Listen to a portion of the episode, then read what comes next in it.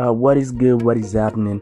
I hope you guys are feeling good today. If this is your first time catching the vibe, uh, no worries, sit back, relax. You can also catch the previous ones. I'm your host, X to the Morpho XO, and this right here is the fifth episode of the vibe. Welcome to the fifth episode again.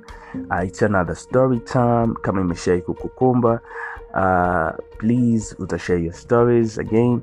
So um, to start off uh, nadhani hichi kitu nadhani kishai kuwakumba watu wengi uh, most of us at some point uh, you wanna take a bath okay umegrab ndoo yako umeweka bafuni umegrab your towel umejifunga pale unataka go take a, a bath uko bafuni you wanna start your business uh, umeshaika taulo pembeni then una realize mm, hujabeba sabuni.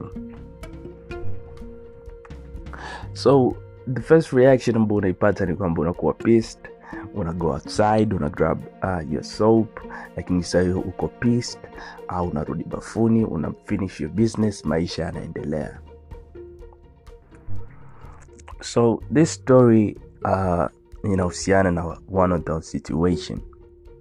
So i remember a few years back uh, i can say a very long time back like six seven years back uh, pauni tulikuwa tumefungua chuo uh, ndo siku ya kwanza tumefika chuo we wanna go out nini friends tumekusanyika uh, kulikuwa kuna this guy alikuwa ametokea da uh, ndo amefika uh, tumeenda kwake tumepitia ndo alikuwa the last person uh, akasema you know what guys? Uh, i wanna take a bath kabla hatujatoka.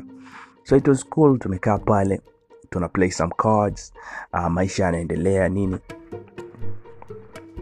This guy grabbed his towel uh, went to the bathroom. Uh, bafu lake lilikuwa liko ndani ya chumba went to the bathroom.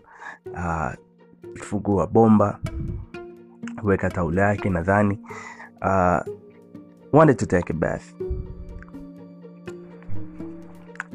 so i think hapa ndo pale ambapo uh, watu wengi tunakuwa tumeshajua nini kina happen. Akurealize hamna sabuni. Hajanunua sabuni. Uh, nadhani pia aliona jao because waoni tayari walikuwa wameshapendeza pale wanasubiria to go out. Akaona itakuwa jao kama atawambia wauni you know what? Naomba mkanichukulie sabuni.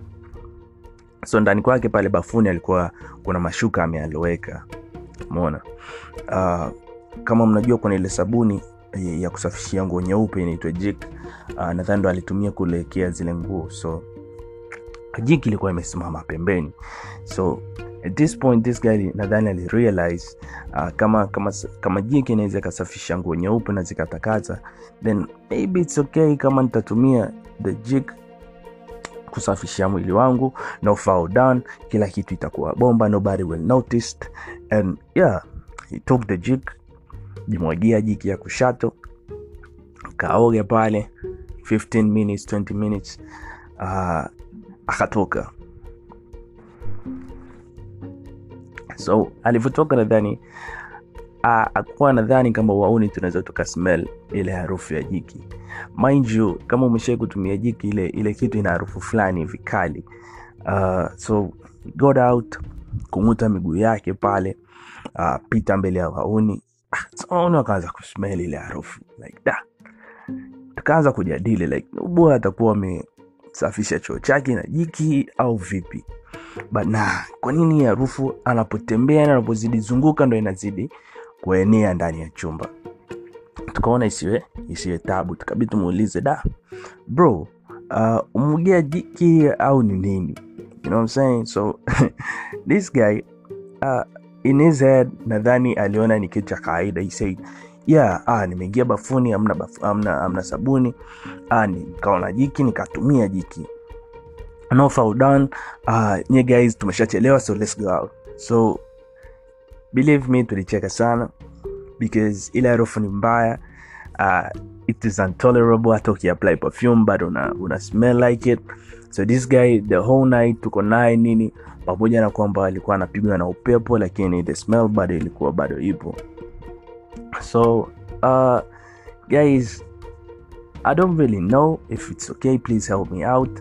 Kama jiki inafaa kuogea au how many of you guys mshie kukumbwa na tatizo kama hilo ukakutana na jiki pale imesimama ukaitumia nini ukaona it's okay au maybe it's okay to you guys?